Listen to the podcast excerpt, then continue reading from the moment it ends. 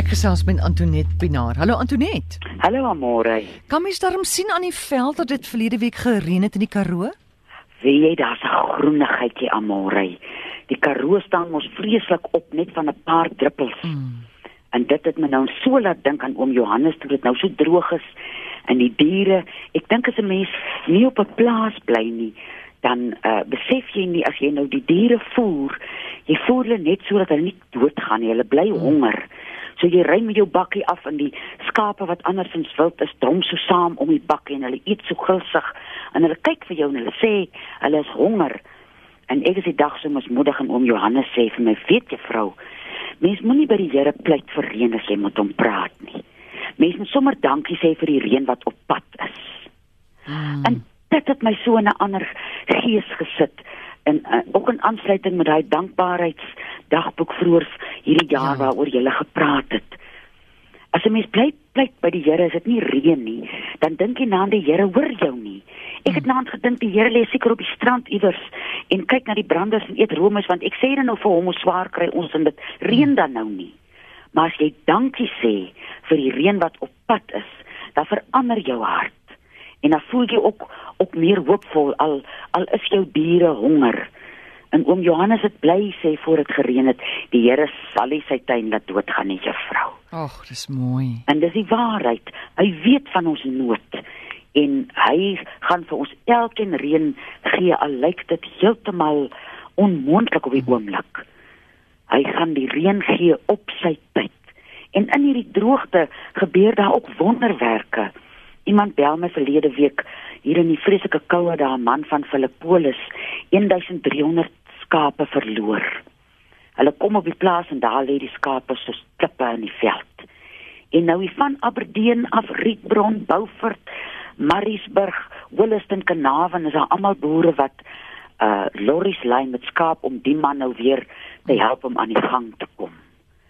En dis nie altyd stories wat mens hoor ja. wat gebore word. Dit was nou nie droogte nie, dit was nou van koue. Ja. Maar omdat die skaap nou al klaar so swak was, het almal sommer dood gegaan en die mense om hulle die die riemtelegram het versprei en mense het begin lorries maak en hulle ry nou hier af hulle polis toe om die man te help. Dis ongelooflik. Ek dink baie keer dis hoekom sulke goed gebeur dat mense 'n geleentheid kan hê om goed te wees, om ja, die ekstra myl te gaan vir ander. Om daai goedheid wat in ja. ons almal is net te wys.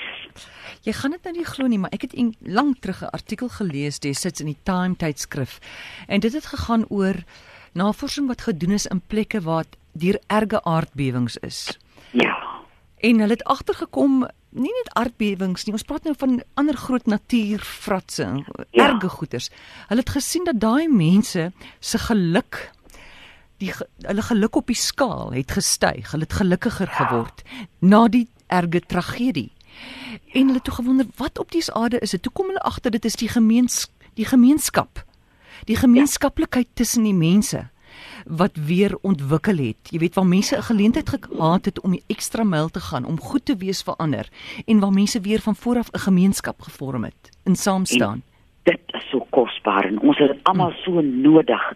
En as jy nou niks het nie, dink dan sommer aan die nys na brande dan besef jy op die oude, hoe sê die oom op die ouder se end. jy, jy het nog die mense om jou. Jy het nog die liefde van die mense om jou. Jy dalk nog jou hond oor of jy dalk nog jou man of jou vrou ja. of jou kind. Mense verloor nooit als als als nie. Dit gee jou 'n ander perspektief op verlies. Goed, ons nommer in die ateljee 0891104553. Hier is ons eerste opperpaal Charlotte. Hallo. Hallo. Goeiemiddag. Middag. Ek hoop Antoinette kan my vanmiddag help. 'n Ou vriend van my lê in Pretoria in die hospitaal. 'n Fioltjie spinnekop het hom oh. gebyt. En hy lê nou al vir 5 maande in Pretoria in die hospitaal en die wond wil nie gesond word nie. Wat kan sy vir ons help? Hoe gou het hy by 'n dokter uitgekom? Ekskuus. Hoe gou na die byt het hy by 'n dokter uitgekom? Nou moet ek 'n spiekop op pad kry. Kyk of jy kan stop. My vertel verduidelik vir die spietkop. Wag, jy is baie dof. Wag, ek praat so lank. Uh, uh, uh, ek praat so lank. Wie jy dis 'n Ek gaan luister op die foon, hoor. Okay, luister, luister op die radio. Ons wil net weet hoe lank, hoe gou het hy by 'n dokter uitgekom? Ooh, daar stop die spietkop. Tomato man, nee nee nee, nee. moenie meer goed praat nie, jy sien. Maar anyway, sy vriend is siek. uh, dis 'n vreeslike groot probleem daai wond wat nou daar en 'n mens kan nou nie veel alternatiewe behandelings voorstel terwyl mense in die hospitaal is nie. Ek dink so baie aan die woorde van Johannes as iemand om nou bel met of 'n bedseer wat nou al 'n jaar of 'n paar maande oud is of 'n wond wat nie wil genees nie dan bly vra die oom is die wond heeltyd toe mm. want die wond raak bedompig en uh ek wil nou nie die uh, hospitaal uh, voorsê wat hulle nou moet doen nie maar ek sal uh eerstens sal my planne wees vir die man as hy uit die hospitaal uit om te begin kankerbossie drink dat dat sy uh gestel kan sterker word, sy immuunstelsel kan sterker word dat dat, dat die genesing in sy liggaam kan gebeur. En as hy nou by die huis is, dan sal ek nou onthou jy ons het gepraat. Skus gou Antonet. Skus gou daar is 'n wind wat waai. Is jy buite in die veld of waar is jy? Nee man, wie hier is 'n wind, dis seker nou die die drade wat waai in huis nou stiller. O, goed. So jy sit in jou huis, maar dis die draad buite. Verstaan, verstaan jy. Goed. Dalk 'n kraai of 'n ding, maar toe my ons jy sê beter ek ja. druk nou die ek druk nou iets teen iets vas. Goed, wonderlik. uh en dan sal ek voorstel dat as die uh, die man nou eers by die huis is, dat hy daai verske blaar tee vir hom aanmaak. Daai 2 uh liter bak wat jy uh, vul met perskeblare, 2 liter kookwater opgooi en hom dan dat koud word in die uh aftreksel afgooi en jy maak hom effens lou in 'n mens sommer so elke 2 uur behandel jy daai wond met die perskeblaar tee. Maar dit is nou moeilik as die man in die hospitaal is, mens wil nou nie inmeng met 'n uh, behandeling waar by die hospitaal nou al klaar besig is nie. Kan jy glo 5 maande in die hospitaal en dit na 'n viool spinnekop? Vertel net gou vinnig as as dit jou byt eh, spinnekop, wat kan jy dadelik doen? Dadelik sny 'n tamatie oop.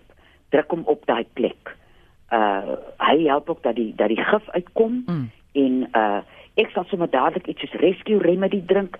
Ek sal sommer dadelik my liggaam begin panser met kankerbossie en hom sal ek mm. dan as 'n mens nou uh uh 'n soort gesondheidskrisis is, kan jy jou kankerbossie elke halfuur 'n kwart koppie ag elke halfuur, elke uur 'n mm. kwart koppie drink dat uh dat die liggaam net want en dan sal ek dasbos en klipkrye daarbey gebruik want alles wat ons liggaam moet verlaat, moet dit verlaat deur urine.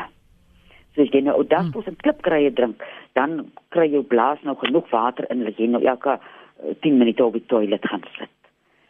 Maar so gou as moontlik na jy nog geweet het wat jou gebyt het. Al weet jy nie eens wat jou gebyt nie, sit 'n tomatie daarop.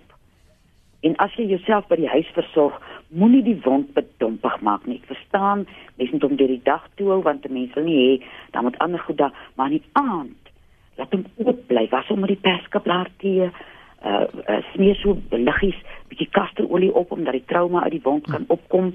En ten laaste die belangrikste ding moenie jouself elke keer boeglam skrik as jy die wond sien want die wond sien jou gesig en hy hoor jou gedagtes.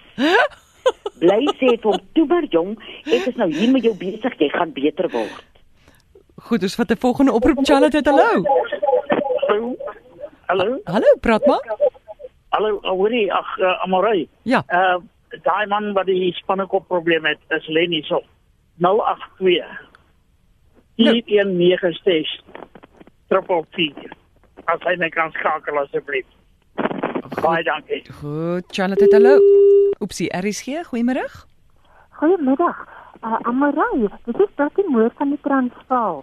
Ek wil net vir Antoinette vra, het sy enige raad vir glukoom.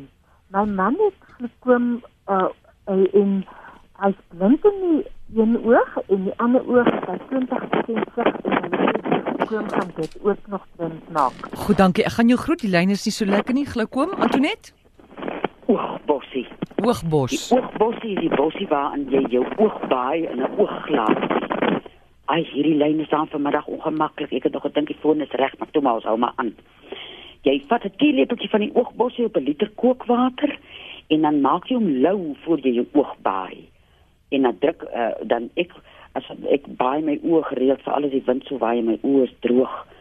Uh dan uh, baai ek elke oog so 3 keer. Uh jy jy baai hom en dan gooi jy die water uit en dan baai jy hom nog 'n glasie so jy vat 3 glasies per oog. En dan natuurlik ou kasterolie. Flenilap op die kasterolie op die oë Dit sal ook die skok en die trauma bietjie daar verlig. Gou vinnig Susan wil weet kroniese gastritis, watter raad het jy? Darmpoeier. Wat As ons met die darmpoeier in die hande kry nie, sal ek uh uh uh gedroogde granaatskil. Granate is nou weer gelukkig weer so in die mode. Dan vat 'n mens so 'n mespunt van die gedroogde granaatskil op 'n halfkoppie lou water. Goed. En darmpoeier is die ander een. Baie dankie Antonet, lekker aand vir julle. 'n Lieflike week vir julle Amore. Tata. Dis Antonet Pinaar. Onthou dit is nie 'n mediese program nie. Jy kan haar bel weksaande. Dinsdag, Woensdag en Donderdag aande slegs daai drie aande kan jy haar bel tussen 5 en 7 by 023 416 1659.